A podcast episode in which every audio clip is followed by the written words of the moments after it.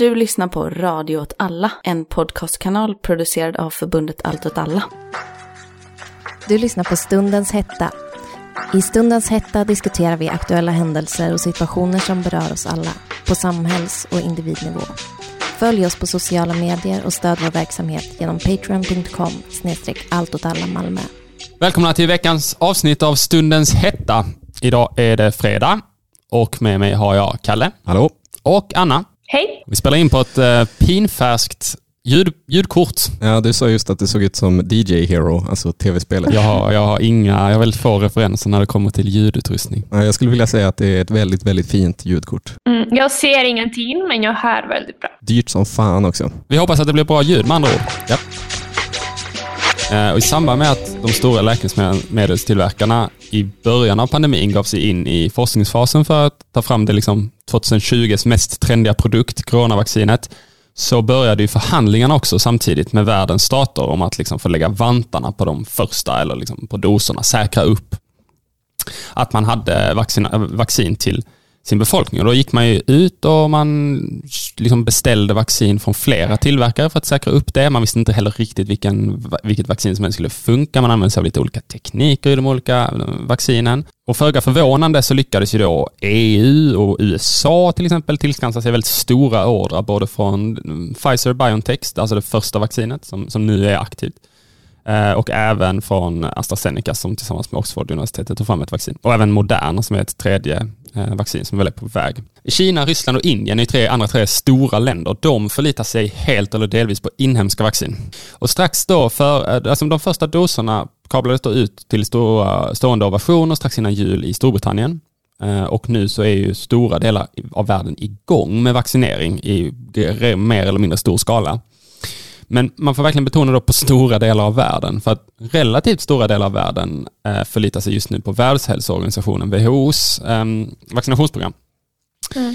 Men i veckan så har både WHO själva och idag en Läkare utan gränser gått ut och varnat för allvarliga hälsokonsekvenser om inte vaccin distribueras bättre. Det vill säga att mer vaccin kommer de, den fattiga världen, eller vad man ska säga, tillhanda.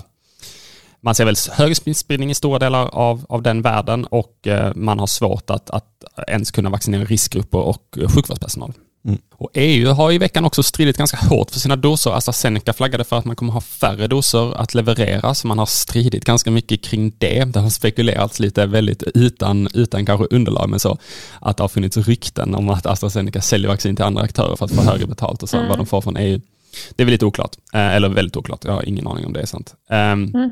Men det jag ville komma till i alla fall, det är att det här känns ju liksom spontant jävligt konstigt om man tittar på det utifrån, att en del av världen sätter igång med jättemycket vaccin som uppenbarligen kostar jättemycket pengar ju, medan den fattiga världen får vänta snällt i en, hur ska man säga, en global pandemi som påverkar oss alla.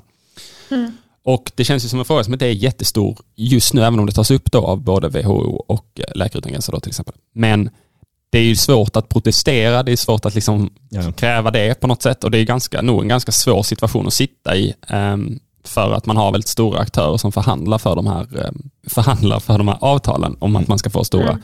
mängder vaccin till, till vissa delar av världen. I Tyskland, som är det jag vill komma till i alla fall, det som man kan se som en motreaktion till det här, så har det nu den senaste tiden i alla fall lyfts, eller startats en rörelse som tror jag heter, det lite catchy namnet, uh, Zero Covid. Men, vad, ska det, vad, vad, ska det betyda? Noll covid. Man vill inte ha ja. covid. Ja. någonstans. Nu fattar jag. Ja. Noll covid jag. någonstans. Um, och de då eh, har höjt röster för, som syftar till att lyfta patenträtten på vaccinen som mm. nu går igenom i och med att man säger att så här, det, det är en helt sjukt att, att, att ha kvar patenten och klaga mm. på Mm. minskad produktionskapacitet, för det är det som just nu sätter käppar i hjulet i att man inte får fram tillräckligt mycket vaccin för att efterfrågan är ändlös. Så att det är liksom inte att det, man inte vill producera, utan man producerar så fort man kan, men det sätter käppar hjulet. Men då så, så argumenterar vissa för att man istället kunna, också skulle kunna släppa på patenträtten, eh, möjliggöra lokal produktion runt om i världen och så vidare. Mm. För att på ett sätt så kan ju även läkemedelsföretagen argumentera om att det är skitdyrt att så, eh, ta fram vaccin och, eh, för hela världen. Mm. Eh, och det är väl så, förstår man, att de kommer att säga. Men samtidigt så är det en situation där människor dör hela tiden över världen och det är ganska oklart när det här kommer att ta slut. Och det känns som att det också ja. är ganska essentiellt att alla får ja. vaccin mot covid. Ja. Eh, Så att det inte finns en del av världen som så helt måste isoleras typ. Ja.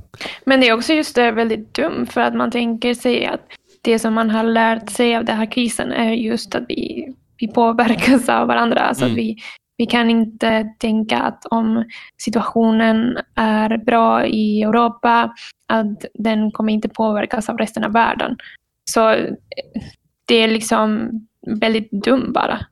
Precis. Jag kan, kan inte svära på det, men jag har ändå läst rätt mycket om att så de här bolagen har attackerats rätt mycket av så hackers från tredje världen. Man pratade väldigt mycket om det. Jag vet inte hur Mm. mycket det blev en grej, men man pratade extremt mycket om det under tiden de eh, tog fram vaccinen. Att man, Man får ju hoppas att de lyckades.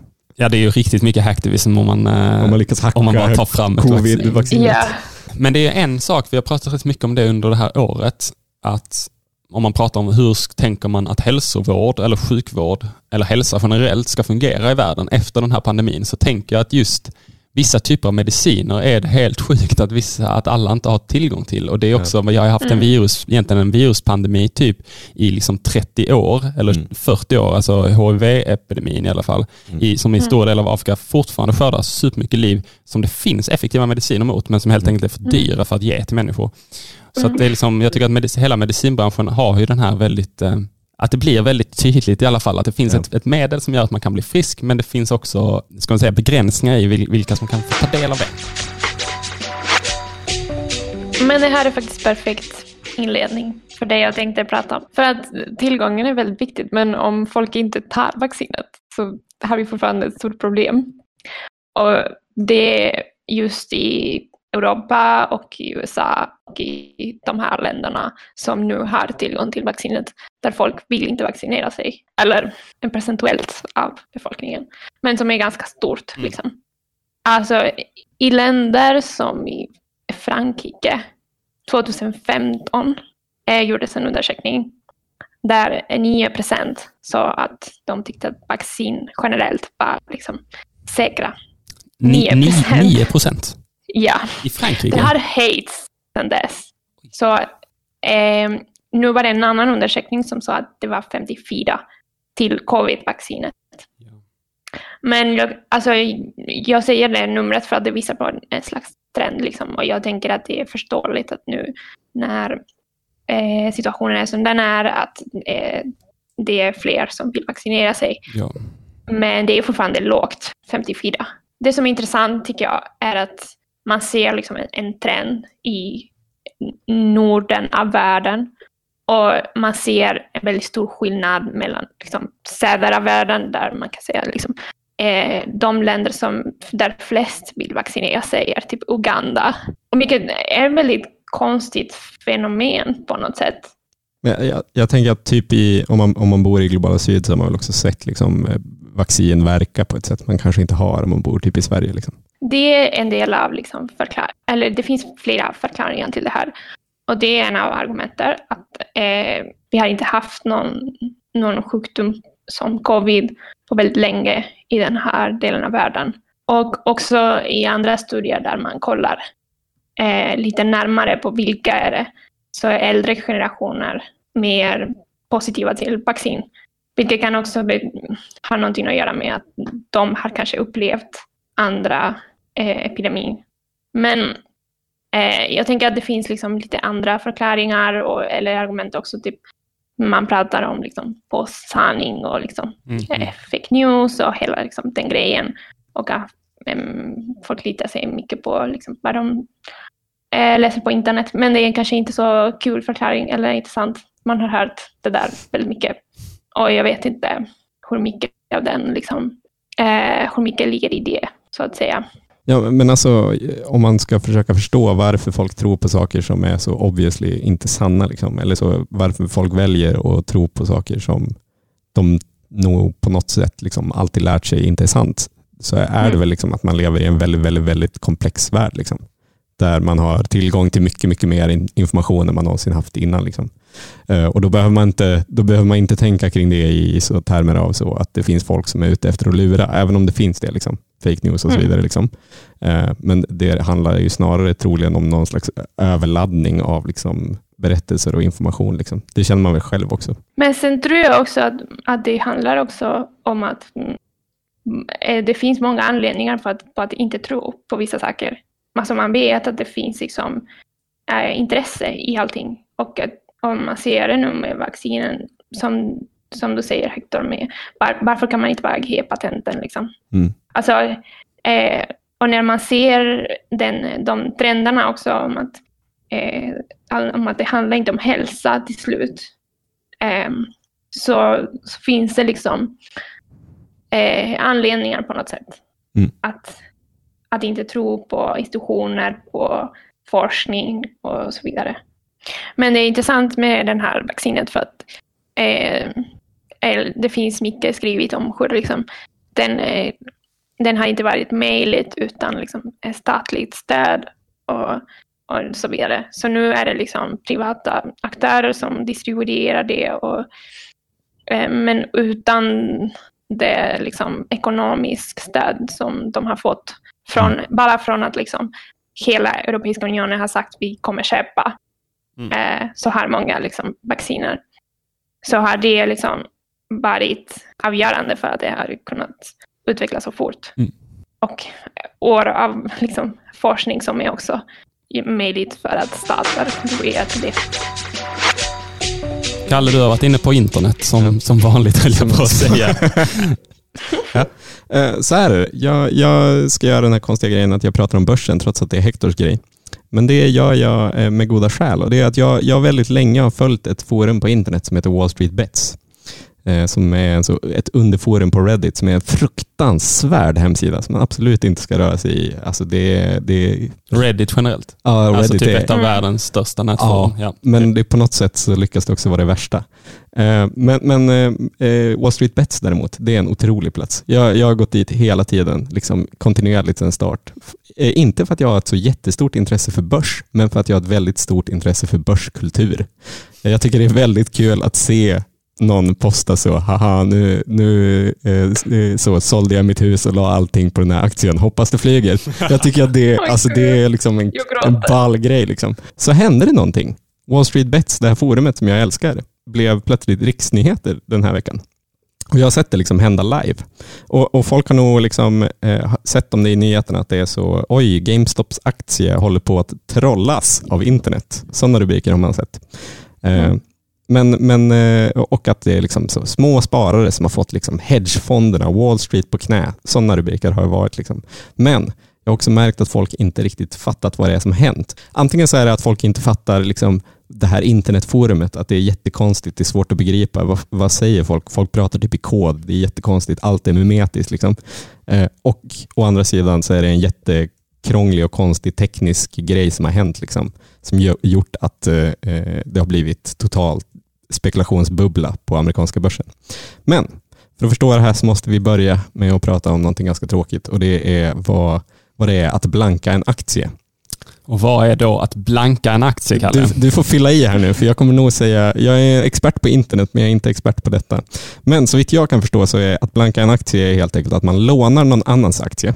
Bara där blir det konstigt. Liksom. Men du lånar någon annans aktie och så mot, mot prestationen mot att du får göra det är att du ingår i ett juridiskt bindande avtal om att du kommer ge tillbaka den i exakt samma form som du lånade den. Och du betalar en liten avgift. Det du gör då när du har lånat den här aktien, då säljer du den direkt.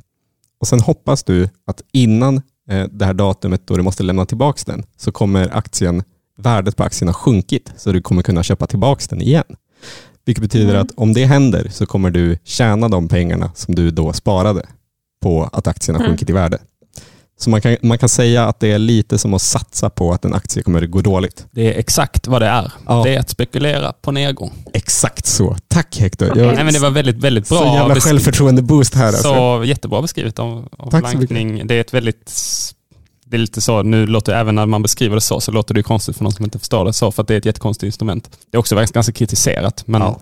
Det, är- det är ett sånt instrument som stängs ner regelbundet. Så fort samhället går in i svackor så är första Mm. steget är att stänga ner det här sättet att liksom, Men vad man ska säga om blankning det är att det är en, det, rätt länge var inte det tillåtet att blanka Nej. på, på de globala börserna. Och det är inte heller tillåtet att blanka alla aktier, ska man också Nej. säga.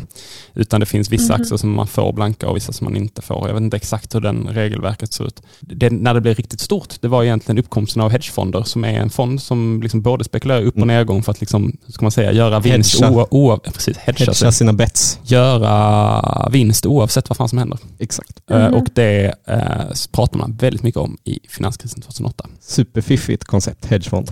Tills man behöver veta vem det är som står på risken och är ansvarig Såklart. för det där. Vilket man inte visste 2008. Nej, just det. Men vad är, vad är det som har hänt nu? För om vi då säger rent teoretiskt att du har blankat en aktie, men i praktiken Mm. så har du blankat flera tusentals aktier. Men, men vi leker Som med tanken. kostar flera tusen styck kanske. Exakt. Du har blankat en aktie. Liksom. Eh, Mm. Du, du satsar på att den aktien kommer gå ner i värde så att du kommer kunna köpa den igen. Men om vi leker med tanken att medans du har liksom sålt den och väntar på att värdet ska gå ner. Om det då kommer flera hundratusen så internetskadade eh, meme lords och bara köper in sig hur mycket som helst Mm. så, så värdet på aktien går upp. Ja, Då hamnar du i en väldigt konstig situation för du är juridiskt bunden att köpa tillbaka den. det är ju inte förstår, det är ingen som vet när. Jo, man är juridiskt bunden till, till en viss tidsperiod. Som om man tänker att Kalle, jag, jag blankar en aktie eh, för tusen kronor och så, Mm. och så måste jag ge tillbaka den till Kalle eh, om, Efter två år. efter, ja, eller, eller om tre dagar. Ja. Eh, Så, Ah, okej. så ehm, efter tre dagar, om den är värd mer, så har jag förlorat pengar och Kalle har tjänat pengar. Ja. Det. Men, men eh, anledningen till varför GameStops aktie har höjts från till exempel den 12 januari då den var värd 20 dollar till den 27 januari, alltså vad blir det, 15 dagar senare, då den plötsligt var värd 347 dollar. Det är 1500 procent ungefär. Exakt.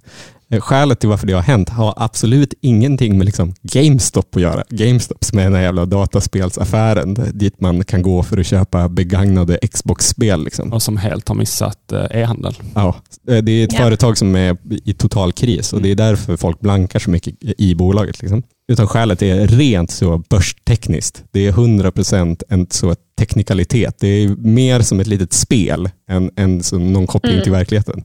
Men så, så hände någonting den 27, eh, 28 januari och det var att eh, alla de här apparna som man brukar kunna köpa aktier via eh, stängde eh, tillgången till eh, GameStop-aktien och värdet sjönk Mhm. ner till 193 dollar från 347 dagen innan som sagt. Handelsstopp gör man när en eh, aktie har allt för konstiga rörelser, kan Ja. man väl säga. Till exempel handelsstoppades SAS när SAS höll på att dö i, i eh, våras. Ja. Så att det är inte så himla konstigt att det Det det handelsstoppas. konstigaste. Okej. Det gick upp ungefär 80% i kalen, alltså i öppningen. Mm. Um, GameStop, man ska också säga det, att aktie, eller den amerikanska börsen tror jag är öppen mellan 15.30 svensk tid och 22 svensk tid. Ehm, men man handlar även före och efter i de här apparna som du beskriver, varav en heter Mm. Robinhood. som stängde ner. Men precis, GameStop är just nu, i, i skrivande stund så gick det upp 80% och sen så handelsstoppade man den. Så att Mm. man gick in från, liksom själva, från eh, New York-börsen och sa att den här får ni inte köpa i. Mm. Vi får väl se. För det som hänt är alltså att jättemånga jättestora hedgefonder har blankat GameStop-aktier i hopp om att eh, värdet på aktierna kommer gå ner och sen har memlordsen gått in. Liksom. Eh, och hur det har gått för de här hedgefonderna är väldigt oklart just nu. Det finns lite olika siffror. Det, det finns vissa som menar att hedgefonderna är helt utanför nu, att de tog sig ur relativt så fritt. Melvin Capital bland annat, som är den liksom Mm. största, de tog sig ur eh, med en förlust på 100% bara. Vilket är förvånansvärt lite, så de drog sig nog ur ganska tidigt. Men, men de flesta verkar ha hunnit dra sig ur innan eh, priset toppade och sammanlagt verkar man ha gjort en förlust på omkring 6 miljarder dollar, eh, vilket ändå är helt astronomiska summor. Men, men hade de inte dragit sig ur så hade de liksom, det hade ju kunnat balla ur på allvar. Jag skulle nog faktiskt Mm. kanske inte säga det heller. För att alltså, man skulle även kunna blanka sig nu. Jag tror till och med att en hel del blankar har positionerat sig med, Mm. med längre blankningstider i Mm. GameStop. För att det handlar rätt mycket om hur länge man har råd att ligga kvar. Ja. För man vet inte riktigt när det kommer att släppa. Men till exempel Melvin Capital, som var den stora som gick ut tidigt och som var medialt stor. Där hade man inte råd att ligga kvar så länge utan man Nej. behövde pengarna likvida till annat och man har även belåning på de pengarna man äger och om pengarna de my minskar så kan man ju då inte ha det som säkerhet längre. Det händer Ja. också, det, var också, det är alltid bidragande i kriser att när börsen går ner väldigt mycket så sjunker be- belåningsvärdena. Då måste man sälja för att göra Mm. likvider för att betala tillbaka lånen. Väldigt eh, klyddigt och så. Men det handlar ju om att jag tror att det är en hel del som har positionerat, sig för att GameStop är inte värd Nej. värda de pengarna som Nej. de är nu. Nej. Så att då kan man, om man har möjlighet att sitta länge, tror jag en del sådana fonder som jag läst lite om nu. Eh, Men det handlar om det, att man måste ha råd att ligga kvar. Ja. Eh, Och sen Mm. vet man inte, för att GameStop är absolut inte värt det Nej. som det är värderat till nu. Men, men det här är också en del av liksom en generell trend som har skett de senaste liksom veckorna eh, med liksom den här typen av bolag som är väldigt, väldigt lågt värderade som har blivit utsatta för väldigt hård blankning. Liksom. Det är- Nokia och sen är det Bed Bath and Beyond. Ja, Mm. även svenska, de har inte kanske varit utsatta för stor, stor blankning, men även svenska CDON har gått Mm. extremt bra. Exakt. Mycket internationella investerare, bland annat en Så, så, från Australien. så allting är ju inte memlordsen, liksom. även om de Mm. säkert har fingrarna överallt. Liksom. Men, men eh, det, det sista jag behöver säga innan vi kan liksom diskutera det här, för det behöver diskuteras för det är så fucking konstigt. Liksom. Det är hur jävla roligt det är, eller så konstigt det är, att liksom ett så otroligt komplext system som kapitalismen, alltså så ofantligt komplext. Eh, Så Karl Marx, jag, jag gillar att läsa Karl Marx mycket för att han liksom så är så förundrad över att det funkar. Det är så, shit, kolla de här tuffa maskinerna som liksom bara kastar ur sig saker. Man lyckas omvandla mänskligt arbete till att bara bygga om hela världen. Man bara river en skog på en sekund. Liksom. Allting är så otroligt komplext och organiserat. Liksom. Så vi har ett sånt system som är otroligt, oändligt komplext och liksom välfungerande på alla sätt. Men så hur ska vi förvalta liksom de tillgångarna, liksom naturtillgångarna, tekniska tillgångar, arbetskraft och så vidare. Genom att bara sätta in dem i någon jävla Jack Vegas-maskin av så cowboy, halleluja, det är så här Harry Boy som kör rattfull. Liksom. Det är helt jävla obegripligt. Mm. Det är det. Hur kan vi låta det hända? Alltså grejen med, som jag ser med börssystemet är att det är relativt logiskt om man tänker att det ska funka så som man tänker att marknaden ska funka. Ja. Alltså det vill säga att det kommer en köpare som säger det här företaget vill jag köpa för den här pengen. Ja. Och så, hittar, så eh, kommer man fram till vad, vad, vad företaget är värt. Eh, Men så funkar det inte längre. Men, men just att det inte har någon som helst koppling till liksom den fysiska affären eller det fysiska bolaget. Det tycker jag att man har hört, det har man hört både från de klassiska, ehm, alltså klassisk höger och eh, alltså ska man säga, näringslivet som har gått in och kritiserat det här ganska hårt. Alltså traditionella investerare som säger att det här är, vad fan gör de här barnen typ? eh, och även ehm, från vänsterhåll, alltså jag vet att um, Ocasio-Cortez var ute och, och Mm. skrev om det, sa ju visserligen, ja vad, vad fan det är, ju, det är ju redan ett kasino så man kan inte kritisera det för att det är ett kasino. Men, eh, men att båda, liksom, eh, både från höger och vänster i USA, Mm. som ju framförallt har pratat om det, har ju pratat om det som att det här är, det är fan skevt. Liksom. Mm. Men en grej som är jävligt ball med det här. Jag har läst rätt mycket så vittnesmål eh, om så folk som fick sina s- 600 dollars i så coronastöd som bara fick den checken och bara direkt cashade in den i GameStop och tripplade pengarna. Det är så jävla gött alltså. Mm. Det, jag önskar att jag var där och fick vara en sån. Det är kul att du har hängt på det här i ett år typ och Ja. aldrig har försökt ge dig på någon av Nej, deras bett. Det är ungefär så mitt liv är. Jag, gillar, jag är en åskådare till många sjuka Ja. grejer. Det här är en sån grej som jag tänker man... Det är bra att förstå. Mm.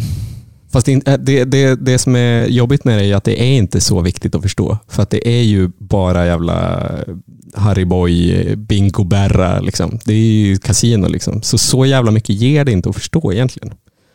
Fast generellt så är det, för det som är det intressanta är egentligen inte att förstå de här GameStop-krigarnas variant, utan det är snarare att förstå hedgefonderna. Mm. För att de Ja. kritiseras ju med all rätt för att man säger att ni gör egentligen samma sak. Placerar man sig med väldigt tung blankning i en, Mm. alltså det, GameStop var när det var som maxblankat, var det blankat 140 procent, alltså mer än värdet på hela aktien var blankat, vilket är egentligen sjukt att det ens går. Ja. Ehm, när det var som mest blankat. Så det är, och det trycker ju också ner kursen. Alltså det är Ja. egentligen också, Mm. för vad man pratar om som skulle kunna vara det, det olagliga eller så, det är ju att det skulle vara en kursmanipulation, det vill säga att man Mm. förvränger kursen olagligt. Det är precis Ja. på samma sätt som det är olagligt när Percy Nilsson ger, ger Det inside-information. vet vi inte än om det är olagligt. Vi väntar Nej, fortfarande. just det. Nej, men att det skulle kunna vara olagligt när, när om Percy eller någon annan, du får klippa bort om det är förtal. Eh, att blank, alltså, så pratar man också om, om att, att blanka för flera miljarder trycker också ner kurserna och manipulerar kurserna. Men alltså det, det man ska komma ihåg kring börsen är att det är ju, det är ju ett sätt att förvalta kapitalismen. Liksom. Och vad vet vi om kapitalismen? Jo, att, att det är uppbyggt kring, eller så att det handlar om ägande. Liksom. Och den som äger kommer alltid ha mer makt än den som inte äger. Liksom. Så det, ju mer du äger, desto mer makt har du. Mm. Det är, liksom, det är hela fundamentet för vårt samhälle. Liksom. Och, och Och Det liksom genomsyrar hela logiken. Alltså det är typ att de här hedgefonderna de hade kunnat göra exakt samma manöver som alla de här meme lordsen har gjort nu. Men de hade Mm. gjort det mer effektivt för att de är en samlad kraft och de hade, det hade varit lagligt. Mm. Och, och det är liksom, det, det går inte att vinna. Liksom. Mm. Följ oss på sociala medier och stöd vår verksamhet genom patreon.com snedstreck allt åt alla Malmö.